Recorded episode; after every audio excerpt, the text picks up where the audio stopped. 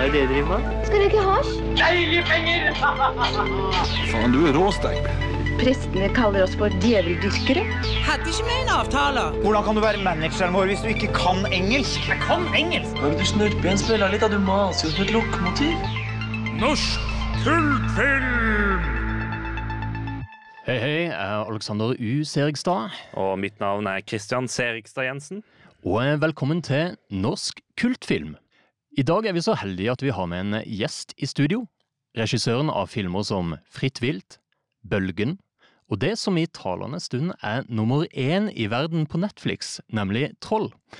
Vi snakker selvfølgelig om filmregissør Roar Uthaug. Velkommen! Tusen takk. Og eh, først og fremst gratulerer med å ha lagd det vi må kalle Norges svar på King Kong og Godzilla, nemlig Troll. Herlig blockbuster som ga meg litt sånne koselige assosiasjoner til 90-tallets store katastrofefilmer som Independence Day og ikke minst Jurassic Park, som var en stor favoritt for min del. Og ikke minst kult å se Theodor Kittelsens visjon om et troll som vandrer nedover Karl Johan, endelig ble visualisert. Så ja, eh, altså nummer én i verden akkurat nå, hvordan føles det? Nei, det er helt utrolig. Jeg kan nesten ikke tro det. Altså at uh, vår norske trollfilm har nådd så bredt ut at den er nummer én i USA og overalt. Fett. Ellers, åssen har, eh, hvordan har mottakelsen vært så langt? Det har vært eh, utrolig bra. Ja, det har jo um, vært Bare traileren vår jo, ble jo sett av Er vel oppe i nå over ti millioner views Ja, det på, på YouTube, og, og at den nå da I går kveld ble det offentlig at den hadde blitt sett av da sett i 75 millioner timer eh, Ja. på Netflix. Eh, som vil si at det er ca. 50 millioner mennesker da, som har eh, spilt den av. Eh, det er jo helt fantastisk. Det må jo være eh, egentlig helt unike tall i norsk setting, det her. Det første gang for norsk film på Netflix å være eh, topp nummer én, og, og altså så mange seertall på verdensbasis. Det må jo være Ja, det er den første filmen deres som har gått så bra på én uke. Som jeg har sett eh, som ikke engelskspråklig film, som jeg har sett så mye på en uke. shit. Altså uansett land. Uansett land, ja. Damn. Eh, og vi er jo etter Dette er etter fire dager også. Da, så Shit. har vi slått alle rekorder på eng, eh, ikke-engelskspråklige filmer på Netflix. Og vi er inne på åttendeplass på mest sette ikke-engelskspråklig Netflix-film noensinne. Det er jo helt vilt. Etter fire dager, så det er jo Ja, nei, helt sjukt. Ja. gratulerer igjen. Altså, det er jo Det er jo helt vilt. Ja. Og eh, Troll har jo fått veldig mye oppmerksomhet nå, mildt sagt. Men eh, her i norsk kultfilm er vi jo opptatt av å rette fokus mot de smale, rare filmene som ofte har falt utenfor allmennhetens oppmerksomhet, men som da har en svoren fanbase, eller kult om du vil. Og eh, da er det jo naturlig at vi må snakke litt om Snørr, som var fokus i forrige episode. Og eh, vi, vi kan ta litt fra begynnelsen. Altså, aller først, hvor er du født og oppvokst? Eh, oppvokst eh, på Fjellhamar eh, i Lørenskog utafor Oslo. Og eh, når var det, hvordan var det interessen for film starta? Den starta på Fjellsrud ungdomsskole. Eh, I åttende klasse så hadde jeg media valgfag, og der fikk vi låne sånn VHS-kamera. Og så begynte vi å løpe rundt i korridorene på skolen da, og filma annet skrekkfilmen The Axe Killer. Som er en sånn fem minutter lang film med meg sjøl i hovedrollen som The Axe Killer. Eh, veldig inspirert av The Shining. Eh, hogger gjennom en dør vi lagde på sløyden, blant Nice. annet. For Here's Johnny-øyeblikket. Ikke sant? Og så var det vel liksom det som ga mersmak, da. Mm. The X-Killer, er den mulig å se noe sted? Det var det jeg tenkte jeg skulle si, da. For at det, dere er jo eh, må si Dere har gjort ekstremt bra research. Eh, Jeg var veldig imponert over forrige episode, Takk, takk. eh, så det var veldig gøy å høre. Og The X-Killer ligger da som easter egg på Fritt vilt dobbeldisk-DVD-en. Ok.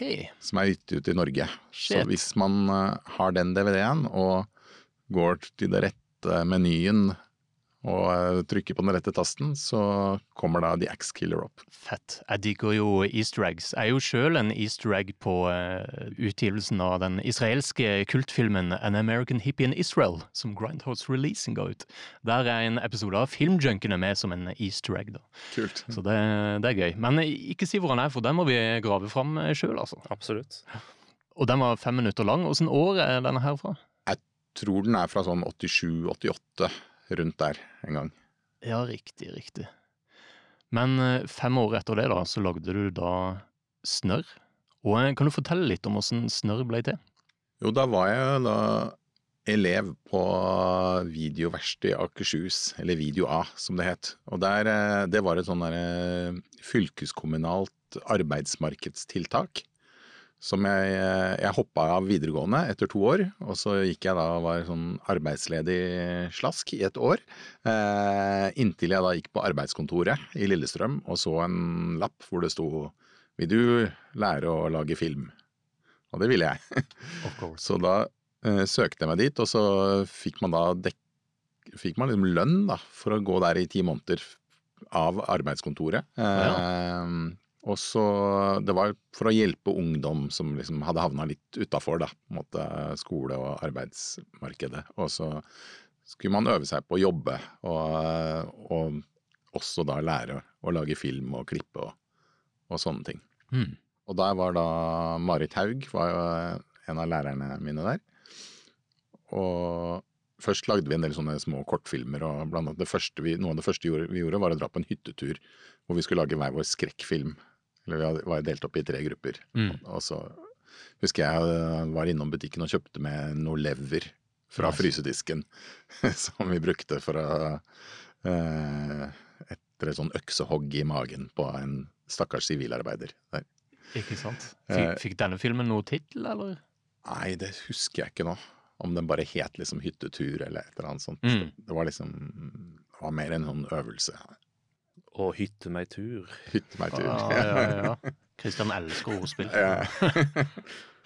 Eh, nei, og så begynte jeg vel da Tenkte jeg at jeg skulle lage en lengre kortfilm, og så begynte jeg å jobbe med det ideen min da om eh, snørr, å lage en zombiefilm hvor eh, en forkjølelse ikke alltid er hva man tror, men Mm. eh, som gjør folk til grønne zombier. Og så skrev jeg et litt langt manus på da 30 sider, som var langt for oss på den tida, så det, vi brukte mye tid på å filme den. Så, eh, men eh, til slutt så hadde vi en ferdig film. Mm. Og eh, Var det noen spesielle filmer du var inspirert av når du skrev dette manuset? Absolutt. Hørte, dere nevnte jo Troma. Eh, hovedpersonen er jo veldig inspirert av Toxic Adventure eller Melvin the Mopboy. Ikke sant, ja. Eh, Otto her, Mm. med at han er en mopboy, han også. ja og litt sånn nerdete og litt- type. ja. Ja. Ja. Eh, og så er det jo litt sånn Evil Dead og også litt Brain Dead idet han De har gressklipperen og vi har eh, høytrykksspyleren. Ikke sant? Eh, og så er det jo noen hint Eller noen Det er jo radio På Romerike hadde vi jo Radio Nero, mm. eh, som var en sånn lokalradio, men i filmen er det jo Radio Romero, Ja, ikke sant? det Og den har sin egen jingle. Ja, som ligner, er egentlig en rip-off av Radio Nero på Romerike sin eh, eh, jingle. Ja, riktig. Ja. Og radioen, nei, og bygda heter jo Nukemhei kommune. Ja, det har jeg fått med meg at det er et eller annet med Class of Nuke. Nukem Highs. Ikke sant? Ja. Enda en trauma-klassiker der. Ja. Og heltinnen, hun heter jo Elsa, Mm. etter de der eh, piratkopiene fra Libanon og sånn som jeg husker vi så på. Altså som i Ilsa? Eller? Nei, det var eh, husker, På den tida så var det når noen kompiser hadde liksom storebrødre som var ute i Forsvaret og kanskje tjenestegjorde i Libanon og sånn, så kom de ofte hjem med sånn piratkopier av filmer. Eh, Jeg husker jeg hadde Pet Cemetery, eh, som jeg så om og om igjen, som da eh, Vi kalte det Elsa-kopi, for på coveret så var det ofte at firma, de hadde et firma som het Elsa, og så underveis i filmen, så plutselig midt inn i filmen, så kunne det liksom scrolle bare ordet Elsa over skjermen et par ganger. Og så ble det borte noe i en halvtime, og så kom det Elsa igjen om litt. Dette høres veldig kjent ut, for jeg mener jeg har en, eh, fikk en kopi når jeg var liten, sikkert på midten av 90-tallet, av eh, Turtles. En, en rekke Turtles-episoder som da jeg mener det står på coveret Elsa-film. Og coveret var bare liksom altså Det var en sånn logo, og så var det fotografi av liksom Turtles-plakaten som var lagt inn i coveret. Ja, ja. Så eh, kanskje samme greia. Ja. Ja, så hun er oppkalt etter det, da. Ja. Og så er det jo sikkert mange flere inspirasjoner inni der også. Ja. Og eh, Kan du fortelle litt om eh, skuespillerne du fikk med? Altså Først og fremst da Jan Arild Bråten, som spiller Otto. Ja. Han er jo, var jo kompisen min. Eh, Vi hang masse sammen og lagde litt sånne låter sammen. Og, og litt sånne småfilmer hjemme. Eh, Noen små, korte ninjafilmer og sånt noe. Så vi eh, ja, lagde masse forskjellige ting sammen på den tida. Eh, Så han var jo et selvsagt valg da, til hovedrollen.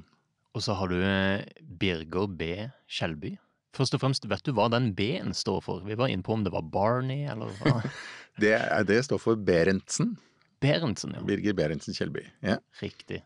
Han er jo en fantastisk karakter som vi er blitt veldig glad i. Eh, eh, hvordan oppdaga du han, eller hvor fikk du tak i han? Han var på den tiden faktisk min da svigerfar, eller altså faren til kjæresten min. Oh, ja. Ja. Og jeg tenkte han ser ut som en professor kunne gjort i en sånn type film. Så, så da spurte jeg han om han ville være med. Ikke sant. Og det ville han heldigvis, det er jeg veldig glad for. Vet du om han har, har dukka opp i noe annet? Nei, ikke som jeg vet om, nei. Men Christian har jo da spurt opp dette intervjuet han hadde laget til den Sinus-websida. Ja, det var veldig koselig å høre. Det var, og det var veldig hyggelig at dere ga han så mye oppmerksomhet. Det syns jeg han fortjente. Ja, Ja. ja, men kult å høre, og det syns vi også. Ja.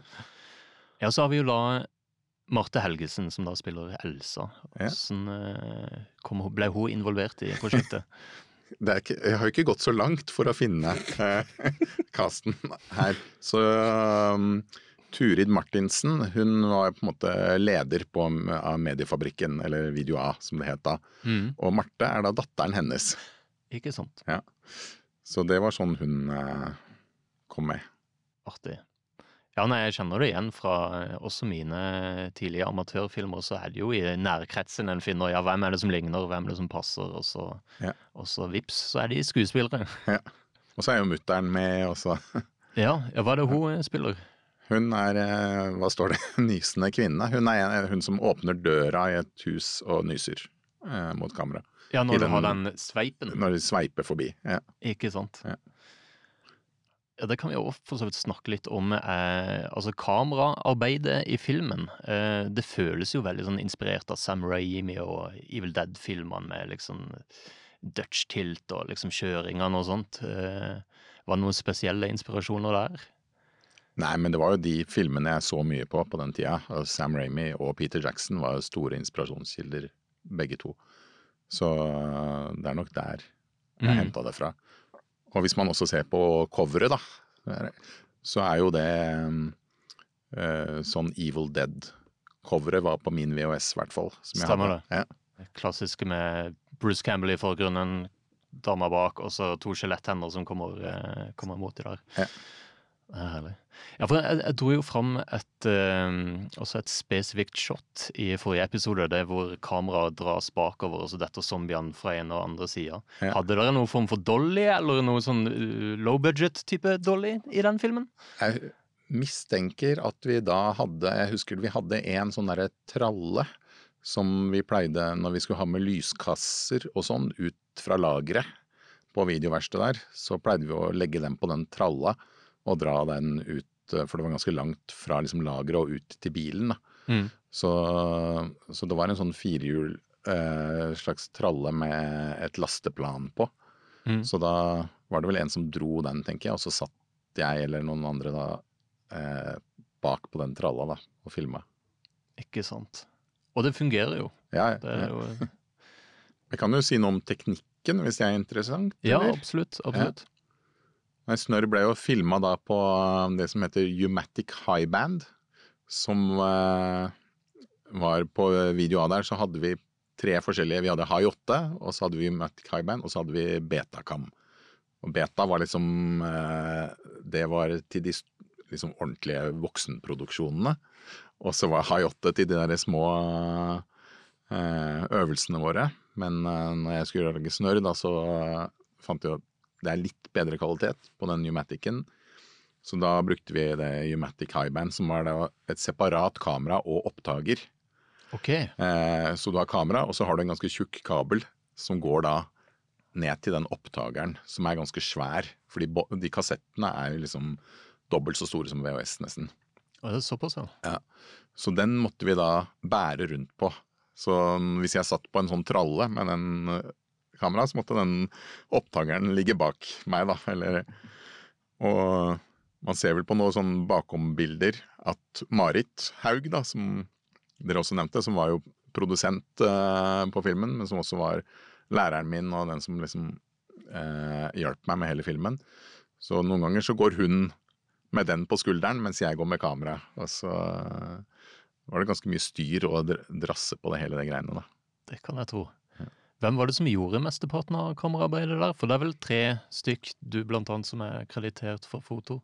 Ja, det er vel jeg og Anette Stang og Marit Haug. Ja. Eh, nei, så vi bytta litt på, så Så det var, det var en, en god blanding, tenker jeg, av, av oss alle tre. Mm. Og så klippte vi det da sånn analogt, da. Ja, åssen ble det Var det på VHS, da? Nei, så da er det, har man en Pneumatic-spiller, og så Mm. hadde vi en da Betacam-spiller som vi klippte til. Mm. Og da eh, har man en sånn planke, som man kaller det, som man eh, setter da et, når man skal gjøre et, Man må gjøre det kronologisk. Mm. Kan ikke gå tilbake igjen. Eh, så da setter man på en måte et innpunkt på den masteren, da, på 10100 eh, på den første klippet, og så finner man fram til det første shotet, eh, tag, den tagningen man skal ha på Umaticen, og setter sånn inn- og utpunkt, og så har man sånn preview-knapp, så man kan se det eh, med sånn fem sekunder, kanskje sånn pre-roll og etterroll. og så- Ja. se, kan man se klippet, og så når man er fornøyd med det, så trykker man edit, og så gjør den det klippet. Da spiller den, tar den opp på den betakassetten. Og så tar du neste, gjør det neste klipp. Og hvis du da har gjort 50 klipp, og så har lyst til å gjøre noe om på starten, så må du begynne helt på nytt igjen. Ikke sant. Så derfor var det ikke så mye sånn omklipp Mm. på snørr. Den var liksom den ene. Eh, når man hadde kommet gjennom, så må man gjennom. Ikke sant. Og så hadde vi vel ikke noe slow motion på de kameraene og, og spillerne vi hadde der. Men Truls Rigvår, som var en av de andre lærerne der, han jobba også på Dagsrevyen på kveldstid. Så da kunne, når vi hadde liksom bestemt ok, det er akkurat disse shotene vi skal ha, på slutten er det litt slow-mo når de løper mot hverandre der. Mm. Så da tok han med seg liksom de Umatic-bånda til NRK, og så fikk han spilt av i slow motion der over på en annen kassett. Og så fikk vi det tilbake igjen, og så kunne vi klippe det. Ja, nettopp. Nice. Ja, nei, det er utrolig hvor mye lettere ting er blitt nå med Avid og Premiere Pro, og vi eh, jobber jo begge som klippere. Ja. Så, eh, men jeg har sjøl vært borti å klippe analogt med VHS-kassetter. Ja. Og eh, en blir utvikler seg tålmodighet av å jobbe på den måten. Absolutt. Jeg prøvde å lage stop motion-filmer på Hi 8. Ja. Helsike, altså. Ja. Mm, som her. For Hver gang du trykker stopp, så hopper den tilbake noen sekunder. Og så blir Ja, nei, det blir bare styr. Ja, det husker jeg når vi lagde ting hjemme, bare. Altså skulle Satt med to VHS-kassetter, så måtte du huske å liksom la den gå litt lenger enn den skulle, for at når du pausa, så gikk, trakk den seg litt tilbake. Stemmer det. stemmer det. ja. Du måtte liksom etter hvert bli god til å liksom OK, det, så mye må jeg dit for at han skal lande der, og ja. Det har aldri vært snakk om noe eh, reutgivelse av snørr. Jeg har liksom tenkt på det, sånn i forbindelse med Nå er det jo 30-årsjubileum til neste år. Det er det. Ja. Så uh, det hadde jo vært gøy å lage en uh, remastered uh, anniversary edition. Men jeg tror jeg tenkte på det til 25-årsjubileet òg, men det ble ikke noe av det da. Så, Ja, ikke sant. Er det noe typisk mastertape av denne? ja, det fins vel en beta-cam som er liksom det profesjonelle videoformatet som ble brukt den gangen. da. Mm. Eh, master som ligger i Mediefabrikken sine arkiver. Ikke sant.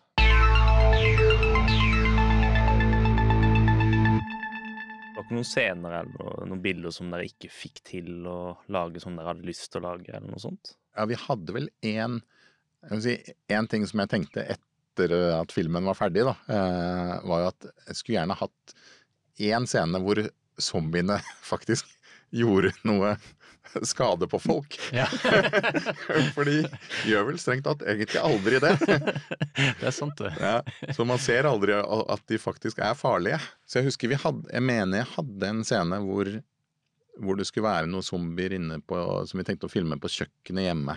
Mm. Eh, og jeg tror det var noe med noen miksmaster i øyet eller et eller annet sånt noe på den zombien, men eh, jeg tror det blei for avansert.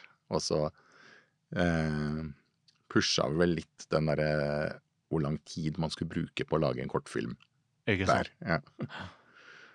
Kan jo snakke litt om eh, spesialeffektene også. Eh, de, eh, hvordan lagde dere de? Blant annet, du har jo den hånda som står igjen i, i vinduet på bilen, som ja. står og beveger på seg etterpå. Hvordan ble den lagd? Den på en måte gimmicken, eller effekten, ble jo eh, skrevet inn i manus da jeg fikk tak i en sånn hånd på standard, hvor man kunne kjøpe da en sånn hånd med batteri som rørte litt på seg. Og så malte vi den grønn, og så stakk den inn i skjorta på Inge, som er en kompis av meg, Mm. som da løper og får den derre festa i, i bilvinduet. Ikke sant? Standard, altså denne her kostymesjappa som fremdeles fins vel i Oslo, gjør den ikke det? Tror den fortsatt eksisterer. Mm. Vi pleide å ta liksom, toget inn til Oslo da, og gå og kjøpe sånn derre såpe med blekk i, og sånt noe, sånne liksom morosaker. Ja, ja, Hadde de ja. der sånne derre lure, veldig sterke drops og Ja, sånt noe. jeg husker jeg kjøpte også de. Ja. Mange klassikere der. Falsk hundedrit, så klart. Og eh, prompepute og spiker gjennom fingeren husker jeg var en eh, favoritt. Pleide å legge til litt ekstra blod og sånt. Så. Så der er den hånda stammer derfra, da. Ellers så er det jo da, i den samme scenen, så kjører de jo på en zombie. Altså Mm. hun Elsa kjører på en zombie. Hun kjører da bilen til Jan Arild, Mm. som han lånte bort. Eh, og den dokka tror jeg det var fattern som lagde, av noe skumgummi. ja, riktig. Skjært ut av en skumgummimadrass, og så kunne vi kjøre på den dokka. Altså din far var også involvert og hjalp til? Ja, Ja, for Hvordan har dine foreldre vært sånn generelt eh, stilt seg i forhold til filminteressen din? Har de vært typ støttende? og De har nok lurt litt på om det her er noe man kan leve av, eksempel. Eh, og har nok hatt lyst til at jeg skulle hatt en ordentlig utdanning eller og sånne ting. Og ikke vært så veldig fan av de filmene som jeg likte, da. Så jeg husker en av de første filmene jeg så som ga meg den horrorinteressen da, som jeg vokste opp med, er at jeg så The Omen, som gikk på nattkino på NRK. Eh, og da hadde jeg en sånn reise-TV, 14-tommers reise-TV på rommet, hvor jeg da lata som jeg gikk og la meg, egentlig, og så så jeg på den uten lyden, sånn at ikke de skulle eh, ferske meg å se på sånne fæle filmer. Da. Nice. Jeg, kjenner meg igjen.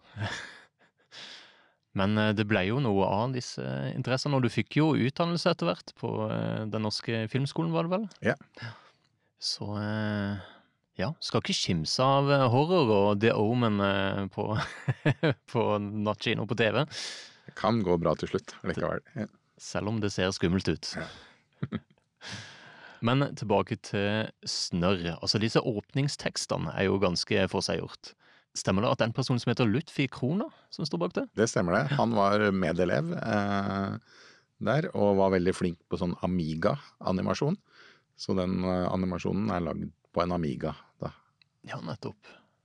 har han sittet og tegna og programmert. Vet du hvor lang tid han brukte på å lage det der? Nei, det er jeg ikke helt sikker på, altså. Ja. Det er han som også lagde da den Gørrfilm-introen, som er inspirert av SF sin intro der. Ja. Ikke sant? Ja. Vi så jo nylig eh, hadde et gjensyn med Fritt vilt, og da var det jo veldig gøy å se at der er jo SF-logoen i starten her. Så jeg, ja. Derfor, for, for jeg vurderte aldri å Dere spurte ikke om de kunne ha gørrfilm istedenfor på starten? På, på På Fritt Fritt vilt. Vilt? Nei, det burde vi ha gjort, da. Apropos fritt vilt, så er det jo en liten Ikke nødvendigvis en kobling til snørr, Men i en avisartikkel der så står jo at Jan Arild Bråten er lensmann. Ja. Eh, som bare dukker opp i et par sekunder. Nei, det er jo eh, flere av kompisene mine Jeg tror det står Thomas Johansen, som også var zombie i den her, eh, i Snørr. Eh, der også. Så det står eh, Vi skulle jo bare fylle på med noen navn. Fiktive navn. En liten tribute, Ja. rett og slett. Til min Bruce Campbell, som Ja. han var da, på den tiden. Ja. Ikke sant? Ikke sant? Og en sånn apropos det med snørr-referanser. Eh, før du kom her, så nevnte du jo at det er en easter egg i Troll. Og jeg må bare høre nå om vi snakker om samme ting. For eh, i Snørr så er det jo med en låt som heter Jeg lemnade deg på Blue Hawaii. En slags sånn dansebandparodi. Og på radioen til dette eldre paret i Troll, så kan en skimte lyden av en viss låt som høres veldig ut som Ja, lemnade deg på Blue Hawaii. Er det samme låt? Det stemmer. Vi skulle ha en låt på den radioen. eh, Etter det var i Troll, da, så var det jo en sånn nyhetssending, og så måtte vi ha noe å fylle opp med. Og så tenkte jeg her kan vi spare noe penger, eh, og ha det litt gøy, så da, eh, da la vi på Jeg har lemna det på Blue Hawaii der, da. Kjempegøy. Og nei, for det Vi spilte jo forrige episode inn Jeg tror det var i september. Og det er veldig gøy, for da sa jo Kristian at ja, det har vært veldig gøy om eh, på radioen et eller annet sted i Trollen så dukker det opp en av de låtene fra Snørr. Ja. Og så gjør det jo faktisk det. det. Det er jo kjempegøy. Men eh, den er ganske lavt. Det var sånn, eh, jeg må jo innrømme, jeg oppdaga jo først eh, låta på rulleteksten. Ja. Og så forrige lørdag så satt vi og Hvor er han? Hvor er han? Ja. og så tenkte vi det, dette er eneste scenen der han kan være. Men da skrudde vi ganske høyt opp, og vi mente vi kjente han igjen. da. Jan Arild, som da synger på låta og har vært med å skrive den, han la ikke merke til den, han heller, når han var på premieren og sånn. Så Nei, den er jo ganske subtil. Nei. Ikke sant? Du må nesten vite at han er der. Ja. Men han er der. Jeg hører den hver gang, da. Men eh, det er en ting som jeg også lurer på om er en snørr-referanse. Altså ikke i forhold til troll, men da eh, Tomb Raider. Mm. For der er det jo en sekvens hvor det er en sånn sykkeljakt. Der er det jo et malingsspann som blir slått hull på, som er grønn, litt sånn gusjefarga maling. Er det bare rent tilfeldig, eller kan man kalle det for en referanse til snørr? akkurat det er nok tilfeldig, dessverre. Det første jeg tenkte, var bare sånn, «Å ja, snørr, selvfølgelig. altså, sånn, begynner å konspirere. Ser snørreferanser overalt nå. Apropos også snørreferanser. Det er jo denne her eh, kortfilmen 'Search and Destroy' fra 2004, som vel Jan Arild Bråten var regi, fotograf og litt forskjellig på. Eh, som er oppfølger til en eh, kortfilm som heter 'Inderne må ut'. Og eh, der har du en liten cameo. Kan Ja. du fortelle litt om det? Nei, det var, eh, det var jo noen venner det var, det var jo Jan Arild og Bjørn Larsen som også har vært elev på videoa der. eh, Og noen flere fra Rælingen som lagde den filmen. Og så skulle de filme en scene på Birkelunden. eh, En sånn dialogscene også. Husker jeg ikke helt hvorfor jeg dukka opp der, men eh, jeg blei i hvert fall med. Og så går jeg i bakgrunnen med en snørr-T-skjorta der, og slenger ut en liten hyllest til Otto på veien forbi. Ja, du eh, lirer en eh, god snørrklasse der, Edvard. Det er, for det er veldig gøy det at jeg hadde jo nylig kjøpt snørr på VHS, og så hadde jeg kjøpt den Search and Destroy-DVD-en, bare helt uavhengig av hverandre. Ja. Og så når vi, når vi så den for første gang, så så vi bare sånn Å ja, herregud, der går jo eh, det er noe med snørr-T-skjorte. Det, det, det, her, det der ser ut som Roar Uthaug, liksom. Så ja. Det er veldig tilfeldig at, uh, at du fant liksom de to filmene Fikk tak i de rett etter hverandre. Ja. Det- Men hvor fikk du tak i filmen? Nei, den VHS-en uh, fikk jeg tak i på en eh, Facebook-auksjon. Ja. Uh, som uh, Ja, den gikk jo for 550 kroner, var det vel. Og det, det var verdt alle penger. Takk for det. Vi har jo eh, VHS-en i studio her. Har du lyst til å se litt nærmere på den, Roar? Jeg vet Ja. ikke, Har du en av disse her sjøl? Jeg har det, altså. Ja, jeg har klart å ta vare på én. Og så har jeg jo da også eh, T-skjorta som vi lagde, og snørrbrusen som jeg hørte dere nevnte. Ja. Eh, som er fra Roma frus, eh, brusfabrikk på Lillestrøm. Så var noe sånn grønn brus de hadde der. Og hvis man ser nøye på logoen til Roma, så er den gjort om da til Roar. Ja, Av, eh, jeg tror det kanskje også var Elin Østerhagen da, som har designa coveret her. Ja. Som har lagd inn den der lille Som hun syntes var veldig kult at dere la merke til, da. ja ikke sant. Eh, at de henda i det Barcoden. barcoden. Ja, Og at det er GF ikke sant. 00001. det ble nok den eneste. eh, men det jeg så, var jo at eh, inni her så er, det jo min skrift. Så det er jo jeg som har lagd denne kopien. Og limt på med Tesa-teipen som vi brukte, brukte der, og skrevet på En blå Tesa-teip. hva, hva det er på denne kassetten, som er en musikkvideo som jeg var med å, å lage, og, og snørr, da. I tillegg til at det var en eh, trailer og eh, eh, Siste siste, klipp. klipp. Den, eh, Ja, for den kan ikke jeg huske, men, men det var Atle som hadde lagd den, var det det? Atle Ryttersveen, ja. Ja. Vi, kan, vi kan se på den etterpå, hvis, Ja, du, hvis du har lyst til å se den. det har jeg veldig lyst til, for jeg, jeg, jeg husker jo Atle godt. Eh, Vi var jo mye innom han på Han jobba i Videonova Ja, eh, i eh, Karl Johans gate, i laserdiskavdelingen der. Og så seinere så starta han eh, vel Silver Lining, som var sånn laserdiskbutikk. Som holdt til på Arkaden, blant annet. Og så er han også ut fra Lørenskog. Ikke sant, ja. Så jeg har hatt mye filmprat med Atle. Så det, det er jo litt gøy. Men det, da kan det jo nesten virke som det er noen i hans eh, omgangskrets da, som har fått den her og kanskje liksom tatt opp eh, Lagt et. Lagt på den andre filmen etter Snørr og denne musikkvideoen. Ja, For jeg kan ikke huske at vi hadde den At jeg kopierte den, altså. Nei. Nei. Mhm. Ja, det kan jo være. Men ja, for du, du spiller jo i den eh, filmen. Ja. Ja. ja det kan Jeg vet ikke. huske, så det er jeg veldig spent på å se. Men det er jo, det er jo ikke lange filmen, den varer vel i fire-fem minutter, eller noe sånt. Ja. Det- Ja, riktig. Ja. Men jeg husker de var en gjeng som gikk på Jeg tror det het Oslo Filmskole, eller noe sånt noe. Som holdt til oppe på Tøyen der. ja. Eh, som var da de samme som vi lagde. Jeg husker, jeg hørte også dere nevnte den Dis 2. Ja, Så det var den samme gjengen, tror jeg, da, som vi lagde den sammen med. da. ikke sant. Kan, kan du fortelle litt mer om Dis 2, for den har ikke vi hatt eh, gleden av å se. Nei, den eh, er det ikke så mange som har sett. Den ble vist én gang på den her Himmel og helvete filmklubb. Ja, nettopp. Samme sted jeg fikk vist snart. Snørr. Ja, Som kanskje forfilm til Dis. Aha. lurer jeg litt på. Jeg er ikke helt sikker. Det var jo en gang på Rockefeller. Den ble jo skutt da på, tror jeg, 16 millimeter. Jeg mener jeg leste i en avisartikkel så sto det at han ble først skutt på 8 mm, men så filma dere han igjen på 16 mm. Ja, Kan- ja, det kan være. Ja. Ja. Og det er jo da jeg som går rundt på rulleskøyter i Oslo. Jeg er veldig dårlig på rulleskøyter. Og så har vi lagt på en sånn voice som er liksom parodi på Dis, da. Mm. Og så Og så slutter det da med at jeg slipper en fis. Og så heter da filmen Fis. Så det er ganske platt, eh, vil jeg si.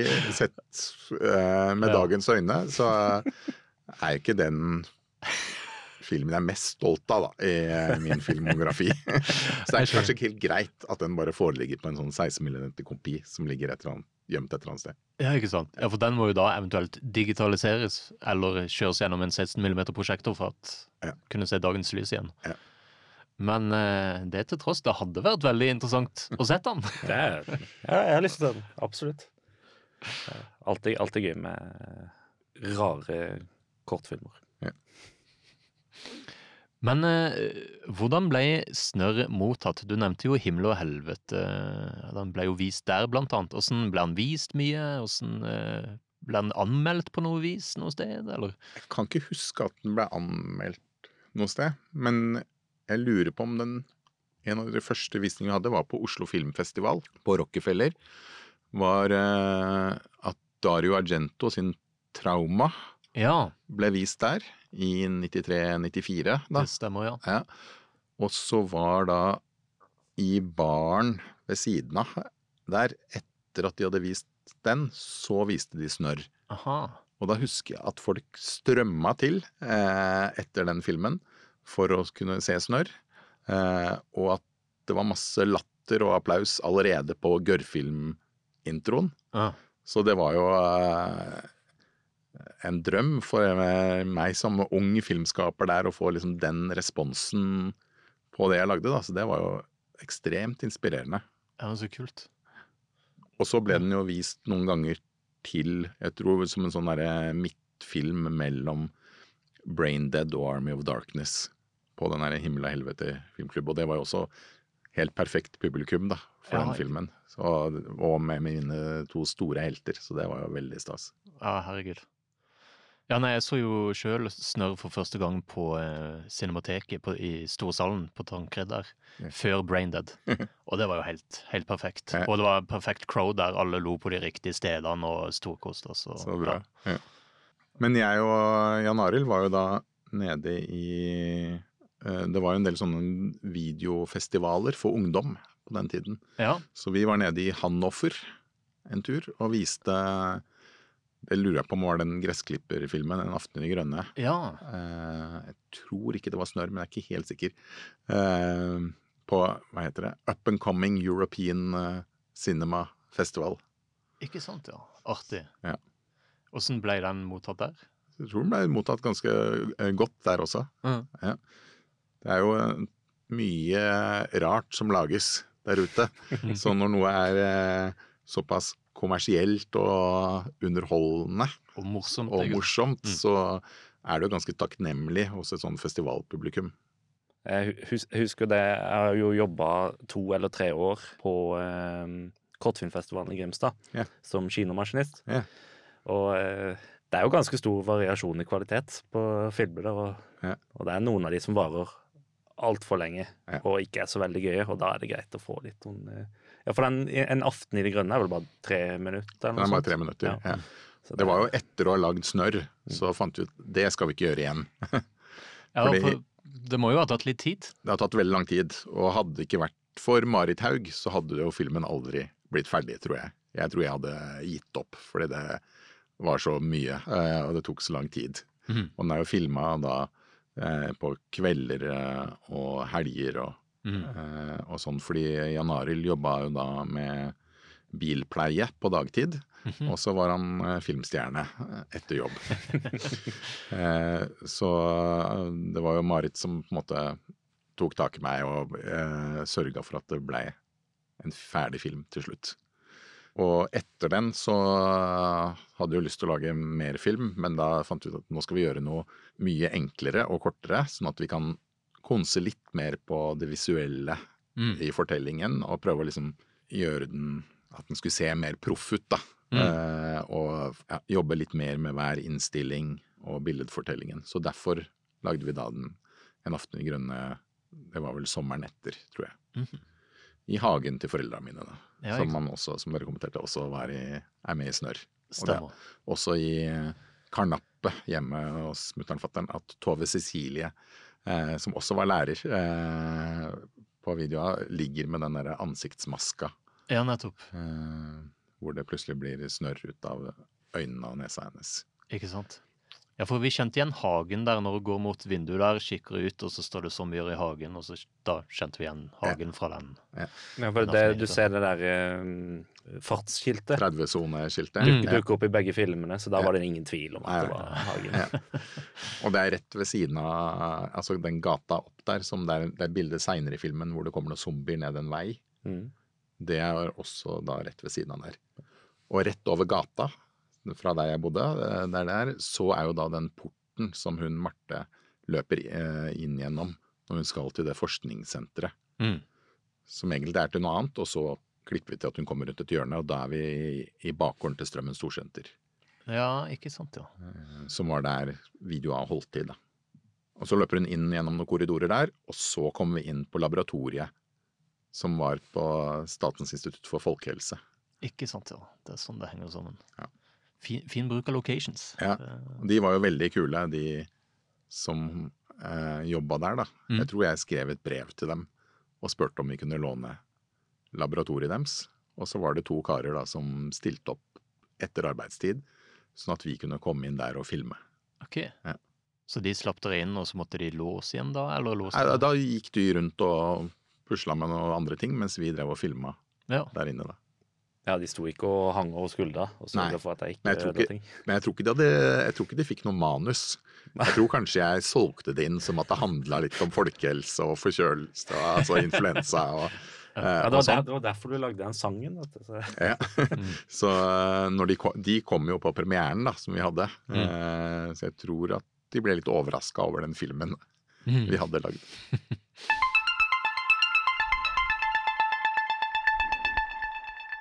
I forrige episode så kom vi jo egentlig med en eh, utfordring til deg. Snørr the Movie, helaftens snørr spillefilm. Er det håp for at vi kan få den noen gang? Jeg er usikker på det, altså, men vi, vi har jo tenkt på det tidligere. At det kunne vært gøy. Men jeg har ikke så veldig tro på at det blir noe av det, altså. Men en uh, helaftens zombiefilm, er det noe du kunne vært? Ja, det tror jeg kunne vært litt gøy. Jeg har alltid vært veldig fan av zombiesjangeren, så det kunne jeg vært interessert i å utvikle. Ja. Og eh, hva er dine zombiefilmfavoritter? Jeg er jo glad i Romero sin Dawn of the Dead, og Jackson sin Brain Dead. Er nok, kanskje, den er nok favoritten, tenker jeg. Og så syns jeg også den uh, Snyder sin remake av Dawn of the Dead var ganske kul uh, når den kom. Og så er jeg også litt glad i den derre 28 Weeks Later. Ja, nettopp. ja. Jeg har Ja. kun sett uh, Days, men uh, ja, jeg hører da at 28 Weeks er kanskje hakket bedre. Nei, jeg syns kanskje det, altså. Eller i hvert hvert fall det første kvarteret der. Er, uh, den første scenen, liksom, sekvensen der, er skikkelig bra, syns jeg. Og eh, altså, I norsk kultfilm så er vi veldig opptatt av å grave fram eh, norske filmer som ikke har fått så mye oppmerksomhet. Eh, har du noen norske filmfavoritter som du føler fortjener mer oppmerksomhet? Jeg husker når jeg var på eh, kortfilmfestivalen i Grimstad, har jeg jo vært eh, noen ganger. Og da husker jeg også at eh, filmene til Pål Øye, Mm. han som lagde Villmark og Tunnelen, han eh, hadde jo ofte noen kortfilmer der som var ganske sånn visuelt sterke, da, og hadde litt sånn horror, eller i hvert fall litt sånn der stemning, ubehagelig stemning i seg. Ja, nettopp. Så det, de syns jeg er ganske fine. Husker jeg feil nå, eller For, for den, eh, den derre DX eh, Ja. 13036, eller hva det var for noe, den er jo utgitt på VHS sammen med en del andre kortfilmer. Der var det en Pål Øye-film, Ja, var det ja, var det ikke det? Det var en Ja. Pål Øye. Jeg husker ikke hva Er det den med den familien som kjører en bil, og så møter de en fyr ved et vann? Jeg, jeg, har, jeg har ikke sett den VHS-en, men jeg har bare sett hvilke filmer som er med. på en Ja. måte. Men det er en uh, Det var du jo- hadde bydd på en gang. Så. Ja, det var jo 30. juni, var det vel. Så havna den på en Facebook-auksjon, den Ja. VHS-en. Og jeg vet ikke hva jeg holdt på med, for jeg bydde kun én gang. Og det var bare 55 kroner, og den gikk for 65. Og så jeg må ha glemt det bort, eller noe sånt, for det irriterer meg veldig at jeg ikke fikk, eh, fikk den kassetten. Nei. For jeg har ikke, har ikke sett den filmen, altså Nei. DX-filmen. Så eh, jeg har ikke, har ikke helt 100 eh, Roar filmografi. Nei. Nei, den gikk jo faktisk på TV eh, også, på SVT. og Ja, nettopp. Det var på en måte en samproduksjon mellom da Video A, eller Mediefabrikken, som det da hadde skifta navn til, og Film i Vest. Eh, som var ganske nystarta da, men som nå har jo kjempestore studioer i Trollhättan og er med på alle filmer som lages i Vest-Sverige, føles det som. De hadde et samarbeid og da også med å lage en serie kortfilmer for SVT. Mhm. Og det var sånn jeg kom med på det. da. Så det var på en måte den første kortfilmen jeg lagde som hadde en sånn ordentlig stab og budsjett. Ikke sant? Og, men var det før du begynte på filmskolen? Ja, jeg tror det var i 95-96. Ja. Ikke sant, ja. Ja, for en ser jo en fin utvikling der med uh, Fist, Fistful of Kebab òg, som Ja. er en sykt underholdende film, og har litt sånn der eh, Robert Rodriguez, Desperado, From Dusk Till Dawn-aktig look, liksom. Ja. nei, vi hadde jo nettopp sett From Dusk til Dawn, og den derre shootouten i starten på den der bensinstasjonen eller eh, Ja. der var veldig kul. Så man er sterkt inspirert av det. Ja. I Fistful of Kebab så er jo Jan Arild er jo med eh, i den filmen. Men hvem er det han spiller der? Da hadde han tatt håret, og så har vi tegna på han tatoveringer. Så han er da han som spiller flipperspill, og som blir delt i to først, og så får et pitabrød i panna. Ja, han, ja, ikke sant. Det er han, ja. ja. Ikke sant. Ikke sant? Nei, for vi sleit veldig med hvem er Otto? Hvor er Otto? Her er Otto. Kristian, du har et spørsmål om en heel high? ser. Ja. Eh, Dere er bra på research, altså. eh, for, hvis jeg har forstått det riktig, så er Heel High er en serie som ble laga på en skole, eh, en folkehøyskole eller et eller annet sånn, På, eh, den er lagd på som Simen Gengebakk har vært med på. Ja. Og så husk, tror jeg Anders Håvind var der. Ja. Eh, og så Det er det jeg vet om det. Det er eh, HIL står jo da for Høgskolen i Lillehammer. Ikke sant? Jeg gikk jo også der Ja. i 2007 til 2012. Ja. Så da mm, Det var mens vi gikk på filmskolen, som ligger på Høgskolen i Lillehammer. Og så var det vel under da Uka, så var det sånn Uka-TV. Og da til den så lagde vi da en slags sånn litt sånn Beverly Hills 90210-inspirert, tror jeg, serie. Dramaserie, da, som het Heel High. Ja, som i high, liksom high Ja, school. high liksom. school, ja, ja, nå skjønner jeg. Ja. Så det var noe romantikk og, og sånt der. Ja. Mm. Er det tilgjengelig noe sted? Det veit jeg ikke, men jeg skulle gjerne sett det igjen, for jeg har ikke sett det siden vi lagde det da. Nei, for jeg, det var jo eh, Jeg driver og har noen eh, meldinger gående her for å prøve å se om vi kan få tak i iallfall en sang derfra. Så nå skal de høre med Erik eh, Hvordan er uttaler det navnet? Vogel? For, Erik Fogel, Ja. Erik Fogel. Så Ja. jeg vil høre om han eh, er han produsent? Han gikk på produsentlinja på Ja. samme kull som meg, og er produsent i Tordenfilm nå.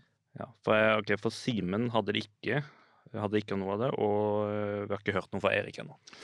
Nei, jeg tror kanskje at man kanskje heller skulle kontakta noen av de eh, som gikk på fjernsynsregi. For det var jo liksom ikke Filmskolen, tror jeg, som holdt så mye den uka-TV-tingene. Mm. Det var de som gikk eh, fjernsynsproduksjon. TVF og sånt. Ja. Ja, så, og så var vi bare med på det Mm. litt. Så det var jo de som holdt i resten av uka-TV. Ikke sant. Så jeg tror hvis noen har det, så er det kanskje mer i den derre fjernsynsregi eller fjernsynsteknikk-gjengen. Hvis vi går tilbake til Troll igjen, jeg tenkte jeg bare skulle dele det her. Jeg vet ikke om du kjenner til filmskribenten Tim Lucas? Nei.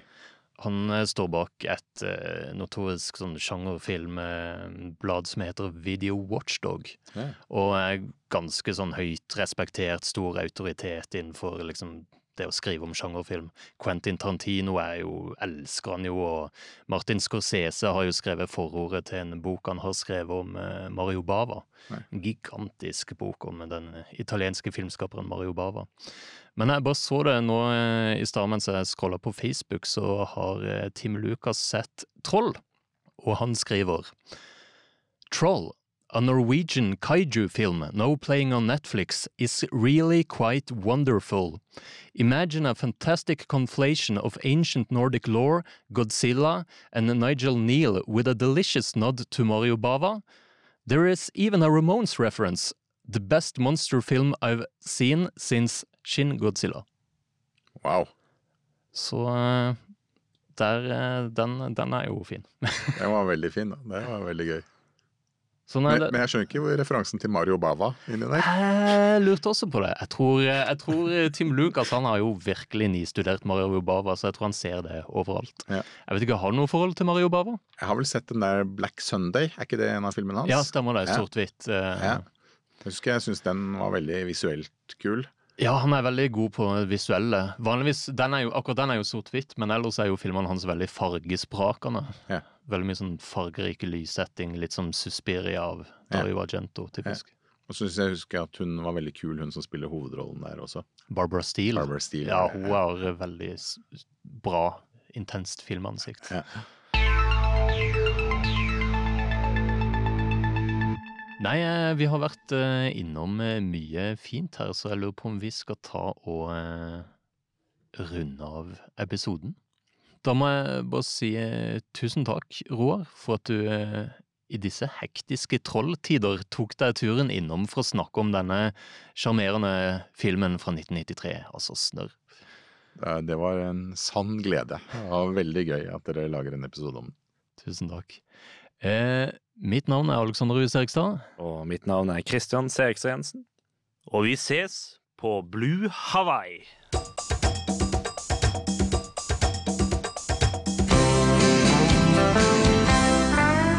Vi møttes på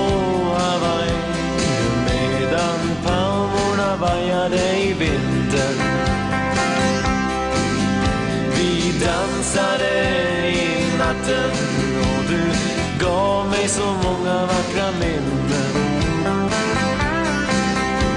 Du bad mig att stanna men biljetten var beställd.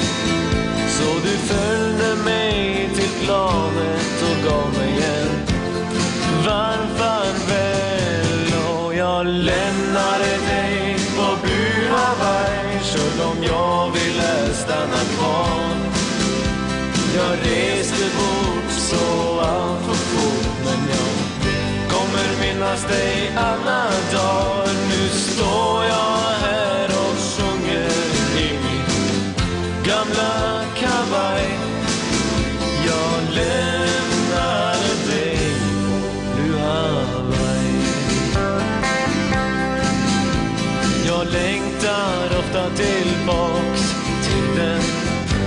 restaurang hvor jag dig såg. Till den stranden där vi dansade och till den sängen där vi låg. Så många gånger jag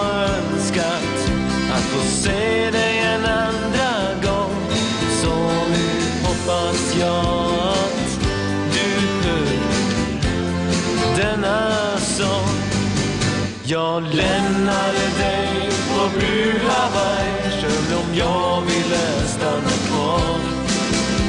Jag reste bort så allt för fort men jag, jag kommer minnas dig alla dagar. Nu står jag här och sjunger i min gamla kavaj. Jag lämnade dig på Blue